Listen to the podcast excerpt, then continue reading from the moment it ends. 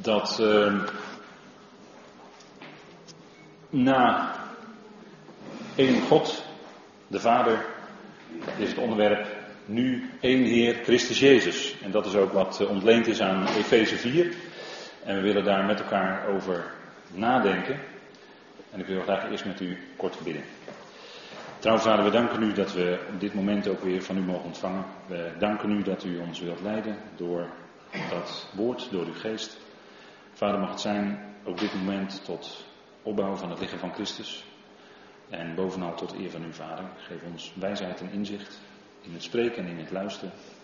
Vader, dank u wel dat we ook hierin van u afhankelijk zijn. Telkens weer in de naam van uw geliefde Zoon. Amen. Eén Heer, Christus Jezus, zoals dat staat in Efeze 4, vers 5. En u ziet de structuur van de Efeze 4, dat kent u wel denk ik. Efeze, het is tot en met vers 6. Maar goed, um, u ziet daar één lichaam, één geest, één verwachting en dan eigenlijk het centrale punt in deze, uh, in deze korte structuur is één Heer. Dat is eigenlijk het middelpunt en dat is natuurlijk in het kader van de Efezebrief ten opzichte van de gemeente. En natuurlijk ligt in Efeze nadruk op de gemeente, de Ecclesia, het lichaam van Christus. En in Colossense ligt het nadruk op hij die het hoofd is van het lichaam. Maar daar komen we nog op. En dan ziet u daar verder één geloof, één doop, één God en Vader van allen. En dat laatste is dus al even besproken. Eén Heer. En als je afvraagt wie is Hij, hè, één Heer, Christus Jezus, wie is Hij? Dan vinden wij in Colossense daar bijzondere, hele bijzondere woorden over. Omdat je daar in feite in enkele versen een overzicht krijgt. Een overzicht over Gods plan en vooral de centrale plaats die Christus Jezus als Heer in dat plan heeft. En dat is vanmorgen al even gememoreerd. Maar wie is Hij? Hè? Als je afvraagt wie is Christus Jezus, de Heer, de Kurios hè, in het Grieks, dat is de machthebber, degene die alle dingen onder zich heeft. Nou, daarvan wordt gezegd in Colossense 1, vers 15, dat hij is het beeld van de onzichtbare God. Hè? Dat heeft al even geklonken. Hij is het beeld van de onzichtbare God. En hij is de eerstgeborene van heel de schepping. En dat eerstgeborene wijst op zijn positie als de zoon van Gods liefde. Want daar gaat het over in dit stukje. Hij is de zoon van zijn liefde. En eerstgeborene heeft in de schrift ook te maken met zoon zijn, zoonschap. De waardigheid die een zoon heeft in de familie, de opvolger van de vader. Aan wie alle rechten en erf, eh, erf qua erfenis en ook qua macht in de familie toevalt. En dat hij de eerstgeborene is, is wel het bijzonder dat het hier gezegd wordt. Hij is de eerstgeborene van heel de schepping. En zoonschap heeft te maken met familie. Maar daarom is het bijzonder dat hier staat dat hij de eerstgeborene is van heel de schepping. dus let op dat woordje eerst. dat is de eerste. Voor alles. en dat, dat is ook wat in vers 17 gezegd wordt. Hij is voor alles. En dat is een tijdsbepaling, dat voor. Voor betekent hier niet ten behoeve van, maar betekent voorafgaand aan. Dus hij is voor alles. Dus voordat er ook maar iets geschapen was, of werd, was hij er eerst. Werd hij het eerst geschapen. Dat, hè, hij werd het eerst geschapen door de Vader. Dat is heel bijzonder, hè? En in die hoedanigheid had hij ook dan al alles in zich om Heer te zijn. Want hij was van meet af aan Heer. De Vader en de Zoon, hè, daar gaat het om. Hij was in de vorm van God. Dit is ontleend aan Filippenzen 2, hè, vers 6. De zoon was in de vorm van God. Wat wil dat zeggen? Naar de schepping toe representeerde hij God. Als schepselen God of JW zagen, dan zagen zij hem. Dan zagen zij die eerstgeborene. De zoon was dus, de zoon van zijn liefde, was in de vorm van God. En dat, dat is hem eigen, hè? Dat, is, dat hoort heel nauw bij hem. Hij is in de vorm van God. En hij is aan God gelijk. Dus hij representeert God naar de schepping toe. En in die zin is hij aan God gelijk. God de Vader, hè, hij was zelf uit God, want alles is uit God. Hij is ook uit God, hè, dat zegt hij ook bij gelegenheid. En hij is degene die hem, die God representeert naar de schepping. Dus de zoon van zijn liefde, let ook op die toevoeging liefde, dat moet u ook niet missen in Colossense 1. Want dat wil dus zeggen dat heel die schepping dus eigenlijk in Gods liefde al geborgen is. Dit, het is de zoon van zijn liefde. En dat is een bijzondere manier, wat ontleend is aan in feite een Hebreeuws idioom, maar goed, om te spreken en de nadruk te leggen op dat liefde. En er staat ook in Colossense 1, vers 16, hè, dat, want er staat in hem, er wordt uitgelegd waarom hij de eerstgeborene is. Nou, dat is om, opdat God in hem alles zou scheppen, want in hem is het al geschapen. Wat in de hemel en wat op de aarde is. En het al is door hem en tot hem geschapen. Dus God is de bron van alles. En hij schept alles in de zoon. En hoe moet je dat dan voorstellen? Dat kun je je voorstellen als een, er kan uit een klein zaadje wat in de grond valt, kan een enorme boom groeien.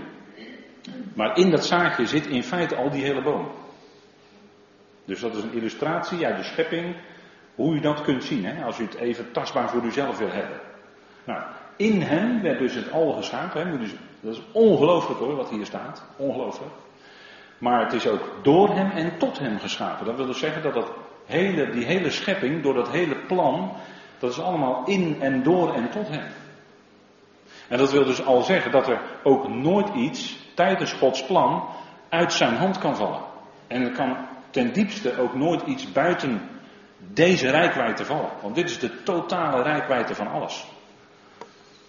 En zo was hij ook Heer. En het al, dat wordt in dit stukje ook uitgelegd, wat dat is. Nou, dat omvat wat in de hemelen en wat op de aarde is, het zichtbare en het onzichtbare. En daarmee is in feite alles al gezegd. Daar zit eigenlijk alles al in. En dan wijdt Paulus even uit over hiërarchie.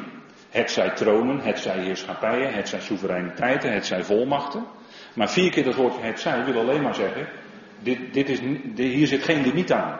Maar al wat geschapen is, het zichtbare en het onzichtbare, is dus in de zoon van zijn liefde geschapen.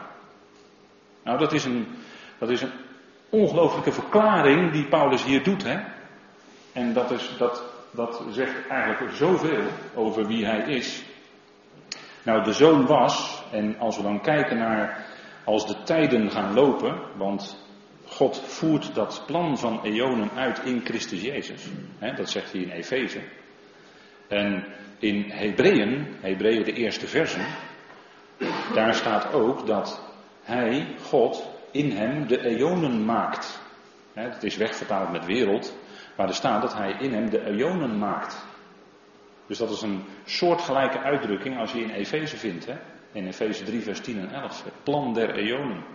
En hij voert dat uit in en door de zoon. De zoon was dus tijdens, hè, dan praten we dus nu over tijdens dat plan van God wat ging lopen, tijdens Tenach, hè, het Oude Testament, was de zoon in de vorm van God die hem eigen is, zegt Paulus in Filippenzen. Dus hij drukte God uit richting de schepping, om contact te maken, om contact te kunnen hebben met de schepping. Hè? Om met die schepselen in contact te komen, zodat die schepselen zouden kunnen zien wie God is. Hè? Wie mij ziet, ziet de Vader, zei de Heer van zichzelf. En die eenheid wordt ook uitgedrukt door de Heer zelf, bijvoorbeeld in Johannes 10, vers 30, waar staat: Ik en de Vader zijn één. dus zij, zij, hebben dezelfde doel, zij hebben dezelfde doel, dezelfde richting, dezelfde, werken beide in datzelfde plan om tot het einddoel te kunnen komen. Dus de vorm van God, die hem eigen is, en hij was aan God gelijk. En dat bleek onder andere, als we kijken bijvoorbeeld in een tekst als Jezaja 6, hè, maar dit is maar één voorbeeld, één illustratie van uh, hoe dat dan werkte in het verleden. En daar zag Jezaja, daar, daar schrijft hij, in het, in het jaar van de dood van Uzia de koning, zag ik JW, zittend op een hoge en verheven troon en zijn zomen vulden de tempel. En ik heb een sterretje gezet bij het woord JW, want dat is de naam van God waar Hans daarnet al even op inging. Dat is ik ben. Hè? Of ik zal zijn die ik ben. Of ik ben die ik zal zijn. Of ik was die ik zal zijn. Zo kun je dat allemaal vertalen, die naam, die vierletterige naam. En als u in uw vertaling kijkt, dan ziet u hier niet het woord Heer met, met hoofdletters, maar met kleine letters. En waarom is dat? Omdat Joodse schrijvers, de zogenaamde Soferim, die hebben 134 correcties aangebracht betreffende deze naam JW. U kunt dat vinden in de Compendium Bijbel, in een appendix. Er staan alle 134 tekstplaatsen in. Dus de Joodse schrijvers, de Soferim, die hebben op 134 plaatsen de naam JW veranderd in Adonai in het Hebreeuws. En om dat weer terug te zetten, en dat doet de concordante vertaling, om dat weer terug te zetten, geldt hier ook dat hier eigenlijk stond in de Hebreeuwse tekst JW. En hoe zit dat dan, kun je dan afvragen. Want JW, dat is God de Vader, de onzichtbare. En hoe, hoe kan het dan dat Jezaja zegt, ik zag JW, zittend. Kennelijk als, een, als was het een menselijke gestalte. Hè? Hij zat op een troon. En dan kun je zeggen, ja dat is een visioen, maar niettemin, hij zag JW. Als, als was hij in menselijke gestalte. En daar staat dan van deze uitspraak van Jezaja wordt ingegaan in Johannes 12 en dat wil ik even met u opzoeken. Want daar wordt dat nader toegelicht. Johannes 12.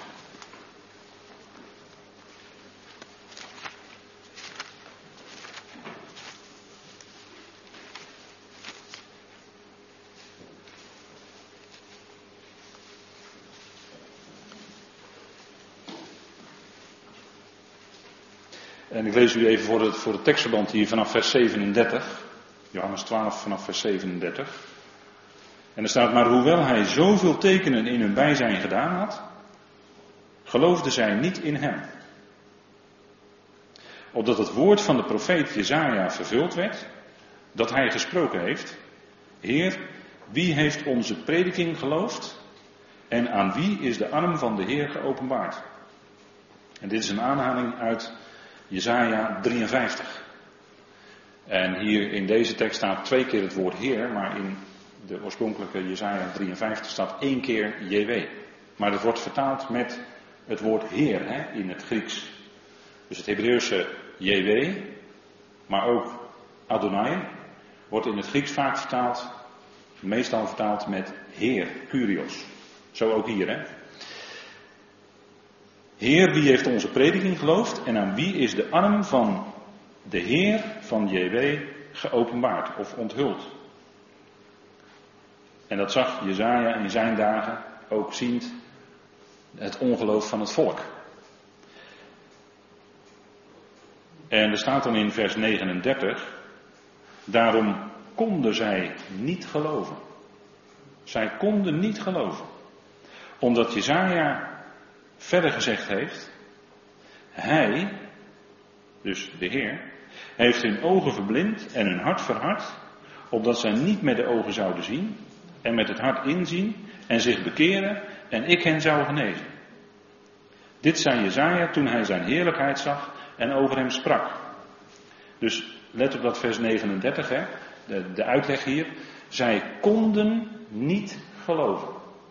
Hoeveel er ook tot hun gepredikt werd, maar zij konden het niet. Zij waren verblind. Het was onmogelijk.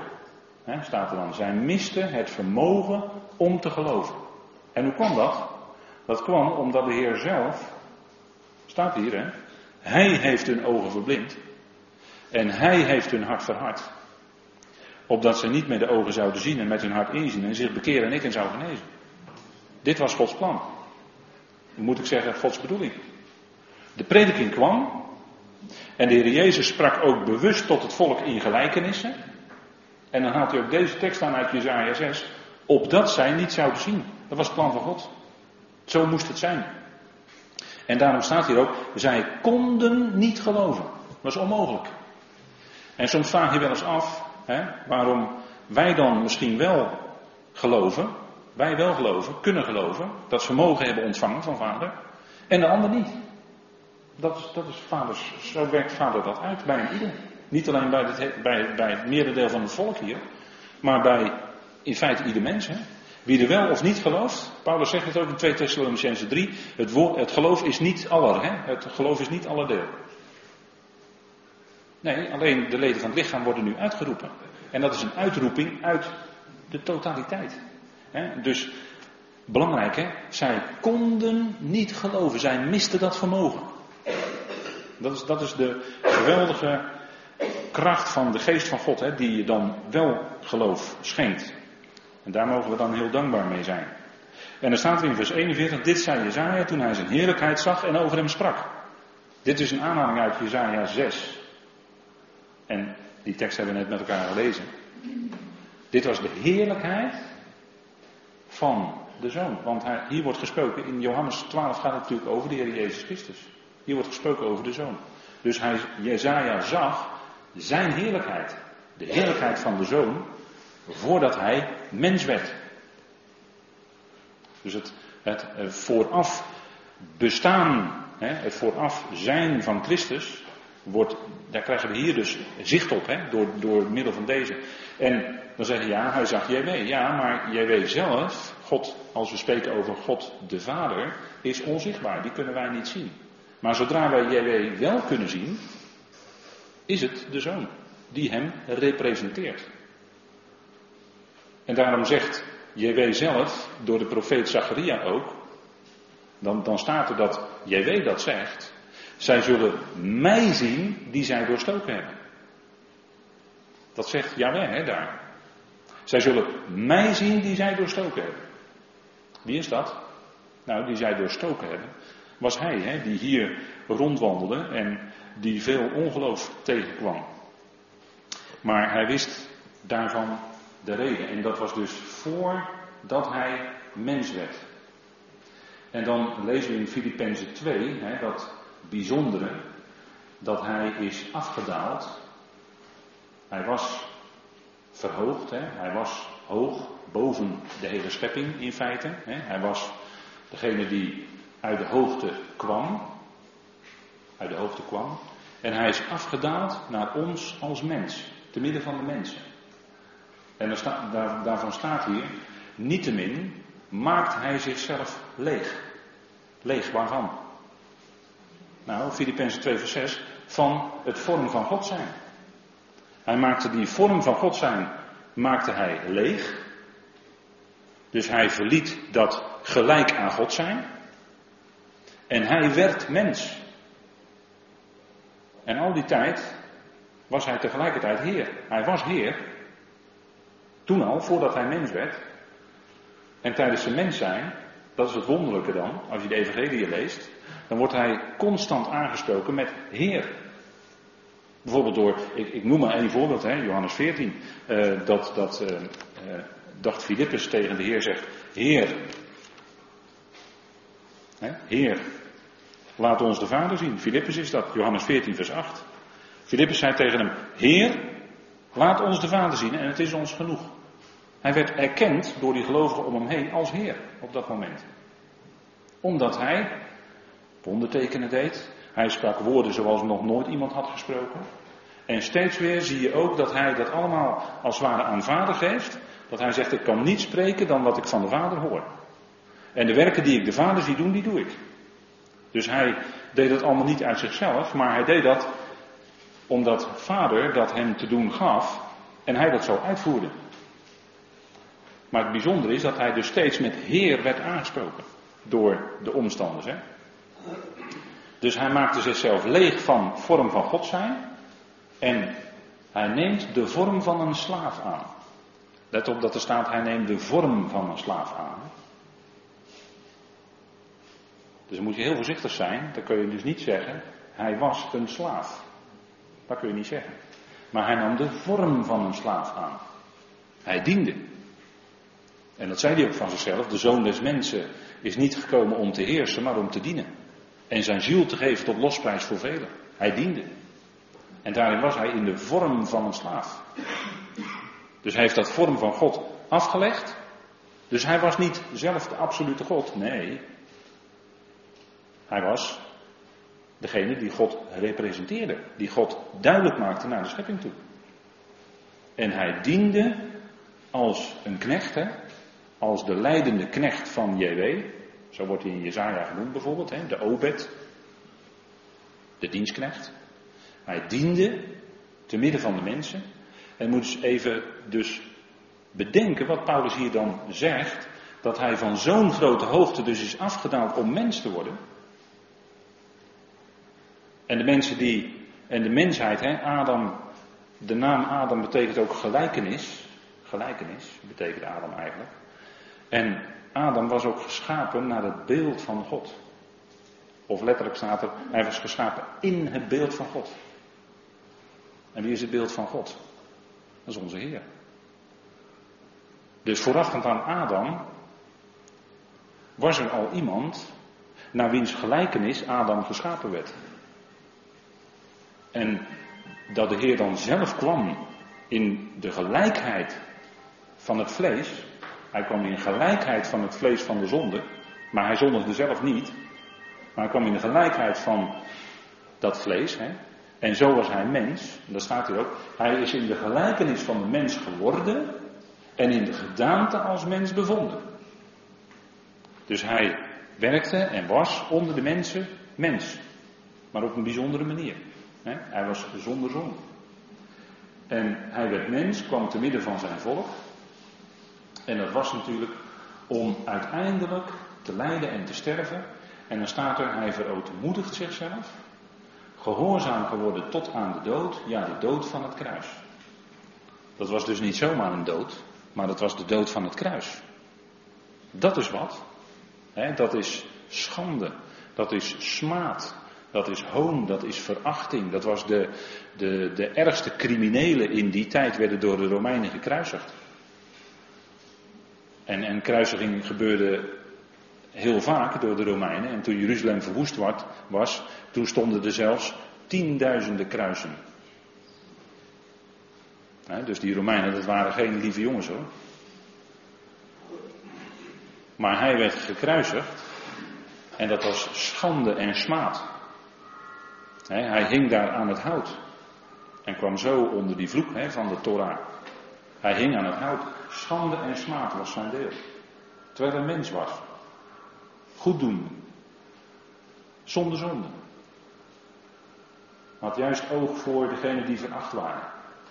En hij sprak ze aan. En kwam bij, ze, kwam bij gelegenheid bij ze binnen. Denk aan Zacchaeus.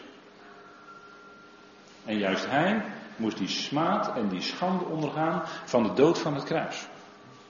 en het kruis is voor vele mensen tot een soort eh, sieraad, een soort embleem geworden. En, maar dat is het helemaal niet. Als je bijbels gaat kijken wat het kruis betekent, die stauros, dan is dat uh, juist het teken van schande, van verachting, van lijden, van vernedering. Hij werd gedeeld onder de rovers, onder de misdadigers. Om het alles te volbrengen, voor ons. En dan moet je dus bedenken van welke hoogte hij dus is afgedaald. Dat, dat hebben we in Colossense gelezen met elkaar. Van die hoogte. En dat is een enorme verootmoediging.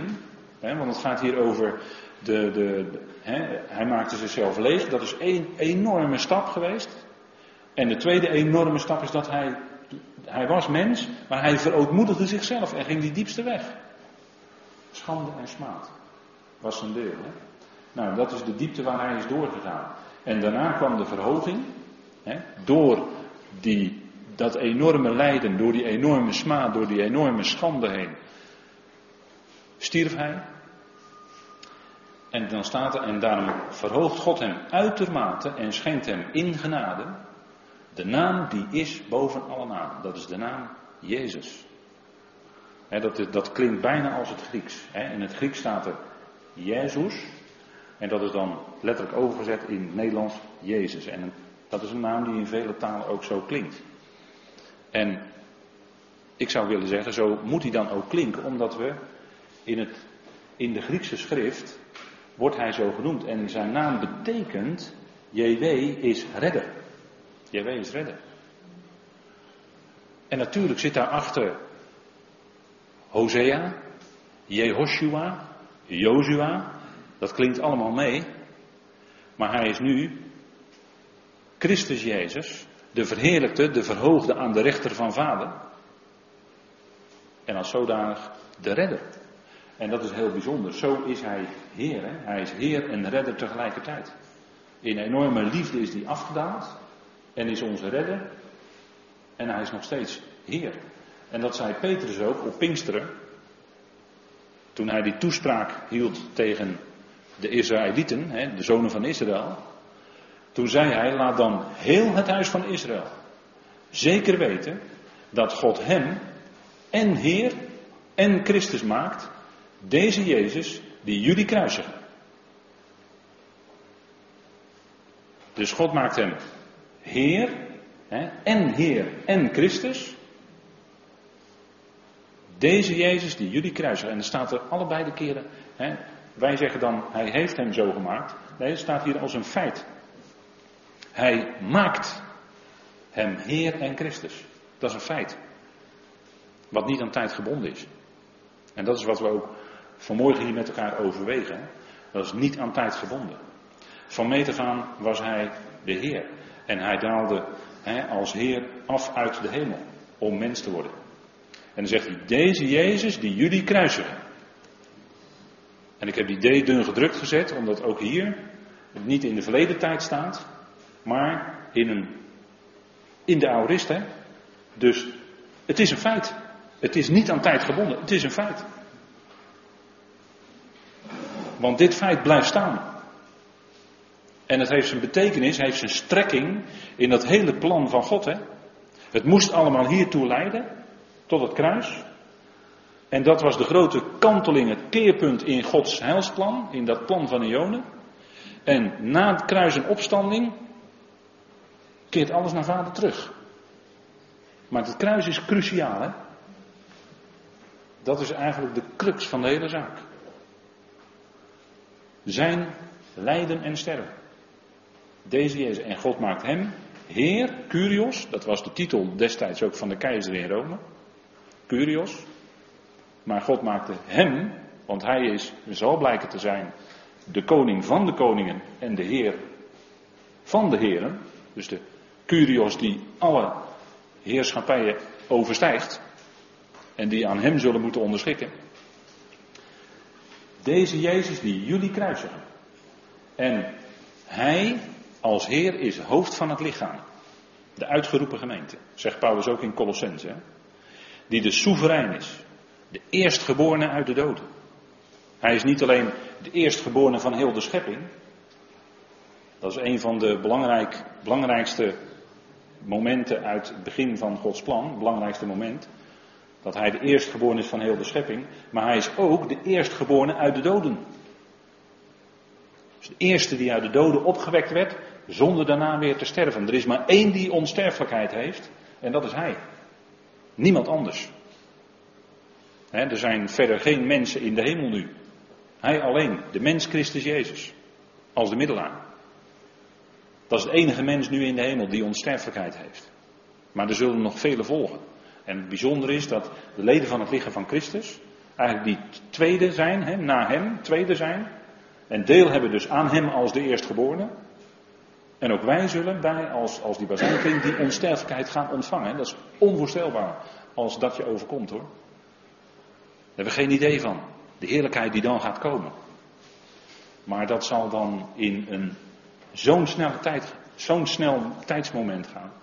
En dan zet God dat sterven om in leven. Dat stervensproces wordt volledig omgezet in een levensproces. Op dat moment, hè, door de geest van God.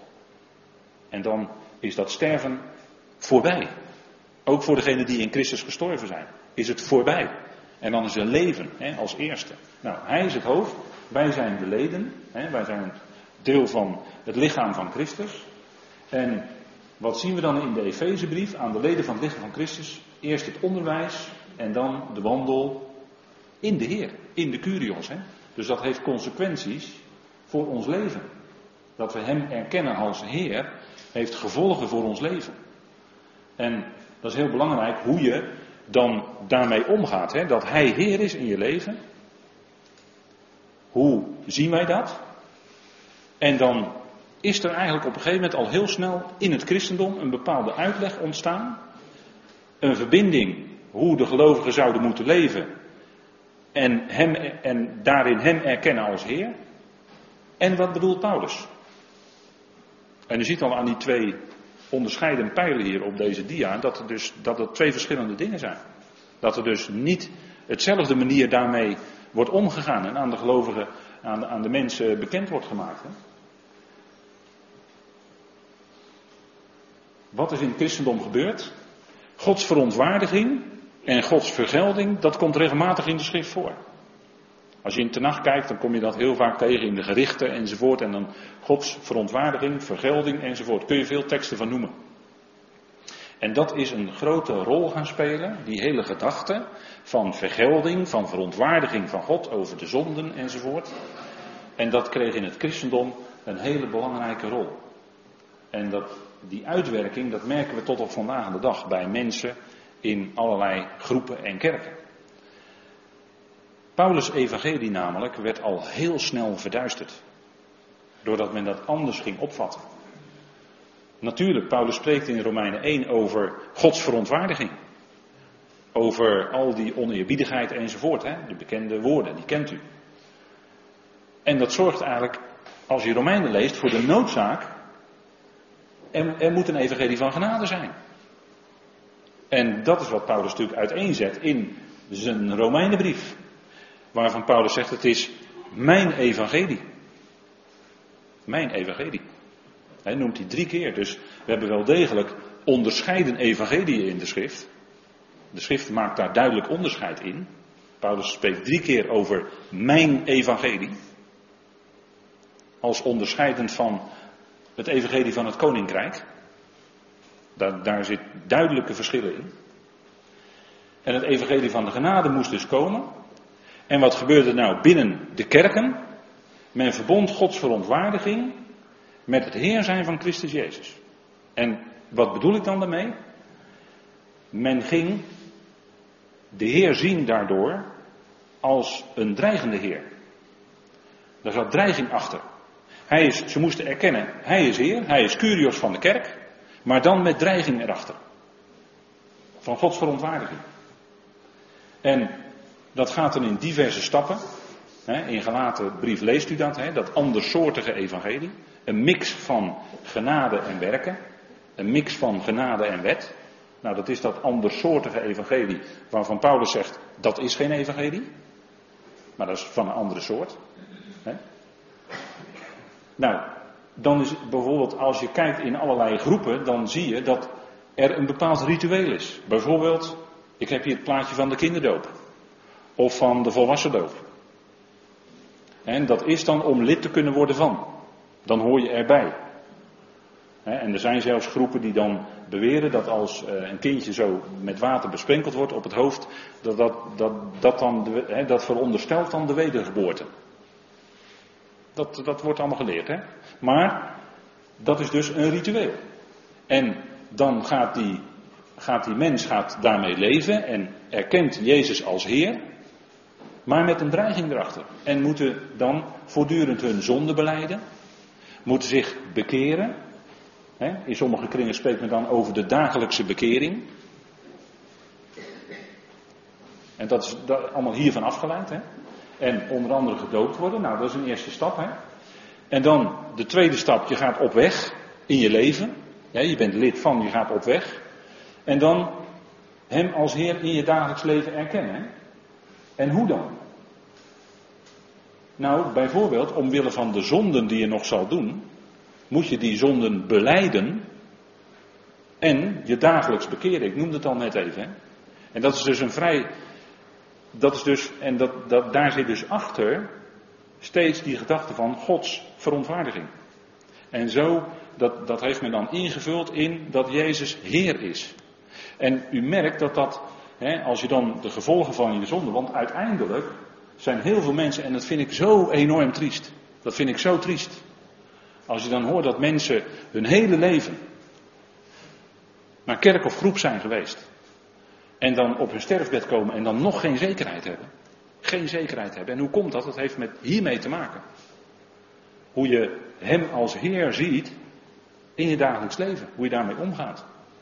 En uh, ja, dan twijfelt men.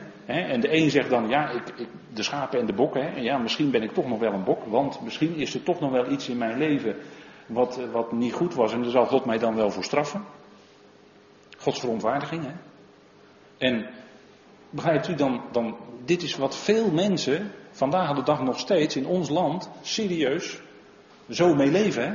En dan op sterfbed niet kunnen sterven vanwege de verschrikkelijke angsten. Want aan het eind staat die dreigende Heer, staat die dreigende God. En kan het misschien toch nog fout aflopen. Ontzettend hoor. En veel mensen nemen dit heel serieus. Moeten ze moeten zich niet in vergissen. omdat ze dat van jongs af aan is bijgebracht. En zij, ja, zij kunnen dat dan ook niet anders zien. Soms krijg je vragen van mensen en die stellen dan soms al jarenlang vragen. En dan uiteindelijk merk je dat het eigenlijk op hetzelfde neerkomt. En ze komen dan maar niet los, denk je dan. Ze komen maar niet los van die traditie. En dan weet ik wel, dat kunnen ze dan ook misschien nog, nog ook niet. Maar uiteindelijk hebben ze dan toch nog die dreiging van misschien ga ik toch nog voor eeuwig verloren. Ontzettend, ik vind het ontzettend. En ehm, dan ben je dus je hele leven op die manier, hè, wordt er dus voorgehouden van zo moet je naar kijken als Jezus Heer is. Daar zit dus een enorme dreiging achter. En hoe zit het dan bij ons? Want Paulus, hoe schrijft Paulus dan erover? Hoe spreekt Paulus daarover? Nou, wij kennen Christus Jezus als redder. En dat is het geweldige, hè? Als redder. En zo komt hij ook voor ons. Als hij komt, dan komt hij niet om te oordelen en de levenden en de doden. Wat men denkt. Maar hij komt voor ons als redder. Als redder. Om ons te bergen vlak voordat Gods verontwaardiging losgaat. De enige geboren zoon van God, want we hebben het hier over de zoon van zijn liefde. Hij is de zoon van God. En bijzonder Johannes-evangelie zou u daar eens goed op na moeten lezen. Hoe vaak dan ook gezegd wordt dat hij uh, eigenlijk degene is die als Heer is neergedaald op de aarde. Dat afdalen van hem. Hè? Daar had uh, de Heer het bijvoorbeeld over tegen uh, Nicodemus. Als jullie de aardse dingen niet kunnen geloven, hoe zouden jullie kunnen geloven als ik jullie de hemelse zou vertellen? Zei hij tegen Nicodemus in, dat, in dat nachtelijke gesprek. Maar ons uitgangspunt is, het is volbracht. Het is volbracht. En, en dat, is, dat is echt, ik vind dat zo mooi wat daar dan staat. Hè? Het is vertaald met het is volbracht. En het is zo mooi wat er dan staat, want dat is een afgerond iets. Dat is gebeurd. Dat werk is af. Dat werk is compleet. En dat heeft een geweldige uitwerking nog tot op vandaag de dag. En zal het morgen ook hebben tot het eind van Gods plan. En daarna ook nog. Maar het, het is volbracht. En dat is voor ons eigenlijk de, de juichkreet, hè? daar zijn we blij mee. Want het is volbracht. En van daaruit kunnen wij dan ook leven en dan Hem als Heer erkennen. En begrijpt u iets van het enorme verschil? Wat ik net even schetste van hoe dat gaat in het christendom, de uitleg. En hoe dat dan zit voor ons. Hè? Wij beginnen al vanuit die geweldige blijdschap, vanuit die vreugde. Het is volbracht. En van daaruit erkennen wij Hem als Heer.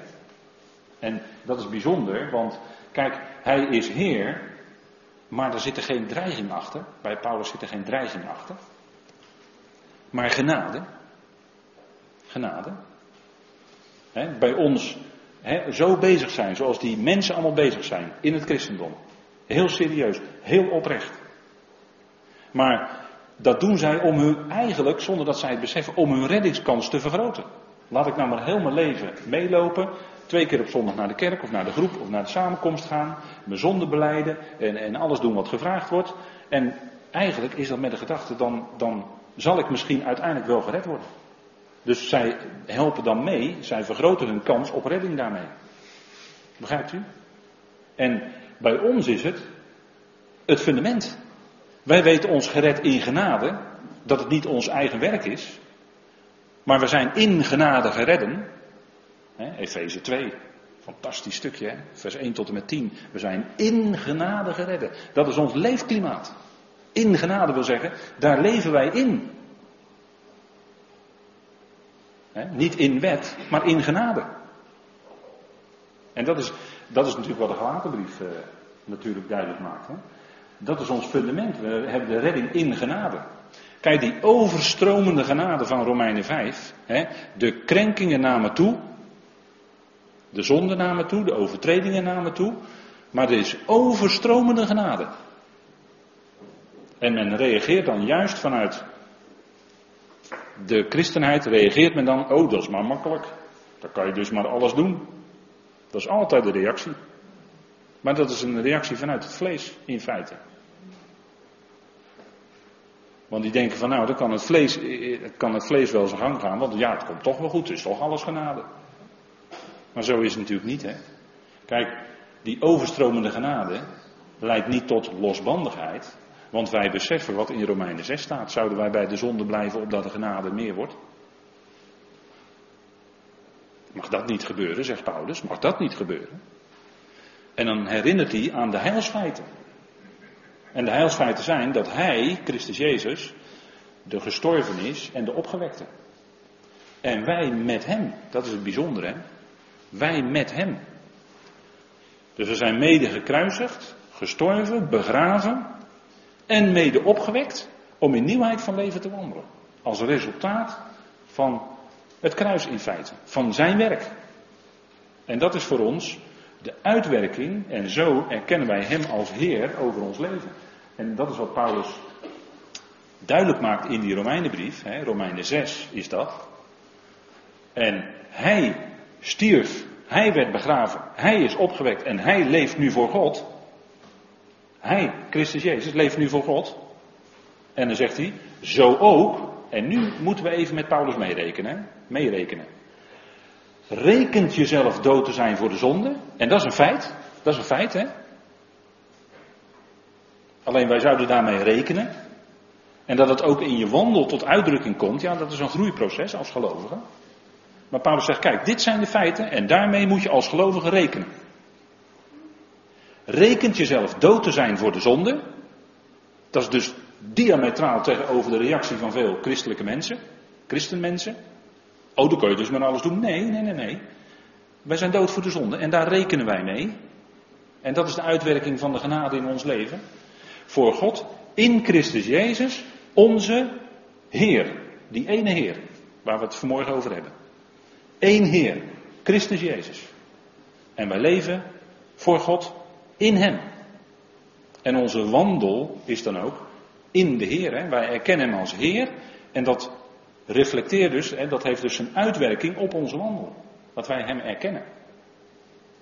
En zegt u, ja, maar, ja, inderdaad, dat doe ik rekenen, maar toch ontdek ik als gelovige dat ik nog niet volmaakt ben. En misschien hoe langer je in dat licht van het woord bent, hoe meer je dat gaat ontdekken, wie je in jezelf bent. En dan zeg je misschien wel op een gegeven moment, nou, als het, als het om mezelf gaat, is allemaal niet zo best. Nee, maar we zijn in Christus Jezus, dat is die nieuwe mens, dat is dat nieuwe leven in ons. En daarom is die verwondering van de apostel Paulus in de Galatenbrief zo geweldig. En toch leef ik. Dat is niet meer ik, niet meer dat oude ik dus, maar Christus leeft in mij. Dat is, dat is het, eigenlijk het geheim van Paulus, hè? wat hij ons meedeelt en wat, wat wij ook kennen. Hè? Het is niet meer ik, niet meer dat oude ik, maar Christus leeft in mij. En zegt u, ja, maar als ik eerlijk ben, als ik eerlijk ben, en we zouden eens even onder de vier ogen praten, dan eh, merk ik wel dat het oude ik nog eh, best vaak de kop opsteekt.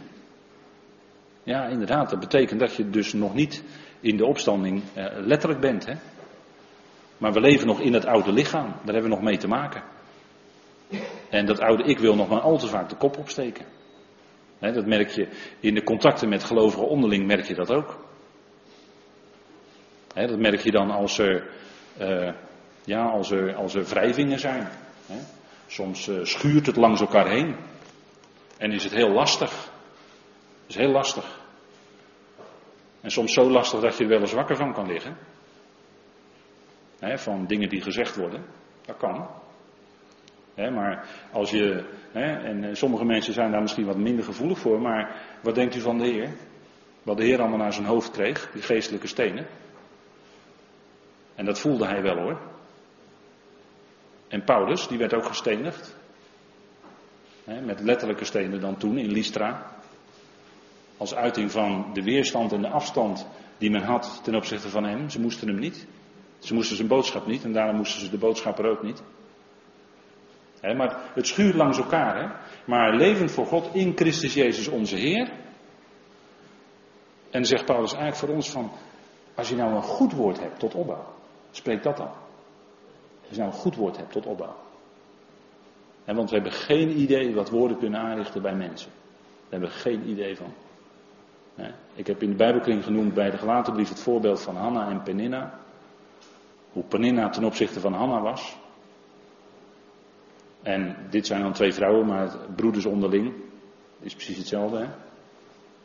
Geldt allemaal hetzelfde, zijn allemaal mens. Maar wat kun je dan naar elkaar toe reageren? Hè? Maar wat zouden we dan moeten kijken naar de woorden die we spreken. En eh, ons beseffen dat woorden een uitwerking hebben. Hè? Ik ken die tekst in spreuken wel naar onze dagelijkse zwakheden, onze missers. Mensen, mensen die kunnen daar een, een enorm schuldgevoel van ontwikkelen. mensen uit, uit, uit groepen en kringen die, ja, die, komen, die moeten zelfs, uh, dat, dat gaat soms zo diep, zo ver. En dan, dan ben je zo verdrietig aan de ene kant en zo dankbaar aan de andere kant dat God je daarvan van verlost heeft. maar uh, een schuldgevoel, dat kan zo op een mens drukken. En, en, en, en hoe de uitleg dan in het christendom altijd geweest is, wat ik, wat ik schets hè, vanmorgen, dat werkt enorm schuldgevoel in de hand. Want stel je voor dat. Steeds maar die dreiging toch op de achtergrond. Misschien in de ene groep meer, meer minder of meer. Maar kijk, dingen die fout lopen, dingen die wij niet goed doen, daar hebben we spijt van. Maar we kunnen altijd bij de Heer komen en de Heer danken voor de genade die Hij geeft. Dat is niet om het makkelijk te maken, maar wel danken voor de genade die Hij geeft. En we kunnen weer verder. Je kan verder. En je leert ervan. De Heer is, Hij is Heer over ons leven, Hij is Heer over ons dienstbetoon. En we mogen altijd beseffen, ook de dingen waarvan je zegt, joh, dan ben ik toch tekort geschoten. En je zit ermee en misschien is het wel iets wat je niet meer goed kan maken. Maar besef dan dat Hij onze redder is en in feite al mee heeft afgerekend aan het kruis. Want daar werd alles, daar is alles eigenlijk al voorbracht. En daar leven we uit. En we willen, zo goed mogelijk, zo. Hè, maar we blijven te allen tijden in Gods ogen smetteloos. Ziet Hij ons aan in Christus. En in Hem is geen enkel onderscheid meer naar het vlees. Hè? Wij kennen ook hem niet meer naar het vlees. dat, is een, dat, is een, dat is een enorm punt hoor in Paulus' brieven, hè, 2 Korinthe 5. Wij kennen hem niet meer naar het vlees. En voor zover we hem dan al naar het vlees gekend hadden, zegt Paulus, zo kennen wij hem nu niet langer. Dat is een hele stellige uitspraak die we goed mogen beseffen. Wij kennen hem als de verheerlijkte Heer. Vandaar dat we over hem spreken als Christus Jezus. Hij is verheerlijkt aan de rechterhand van Vader. De eersteling van een nieuwe schepping. En dat, dat dan in, in die nieuwe schepping valt het onderscheid weg in het vlees. He, want alle conflicten, alle verdeeldheid die er is, dat is allemaal in het vlees. en het gaat, gaat, vandaag over eenheid.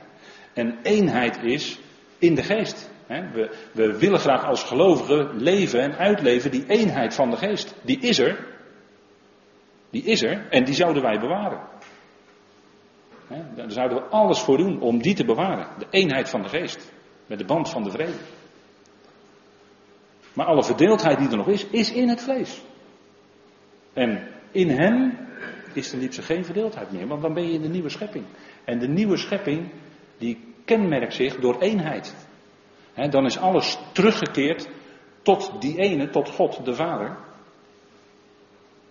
En dan is er eenheid. En dat, dat is de totaliteit van die nieuwe schepping, hè? Eenheid. Dan is al het vleeselijke weg. Al het vlees is weggedaan. Dat is in feite aan het kruis al gebeurd. En dat is ook de basis in feite hè, voor, onze, voor ons één zijn, eenheid. Nou, het is die ene Heer die alles voor ons heeft overgehad. Hè. Hij is Heer van allen. En dat is het slotakkoord van Filippenzen 2. Dat in de naam van Jezus zich alle knie zal buigen van de hemelingen. En van hen die op de aarde en van hen die onder de aarde zijn. En alle tong zal van harte beleiden. Heer is Jezus Christus tot verheerlijking van God de Vader. Dat was die van Metefaan. En uiteindelijk is die hele schepping dan hem tot eer en verheerlijking. Want die erkennen dat. En wij mogen dat al als eerste doen. Hè? Goed, tot zover voor dit moment.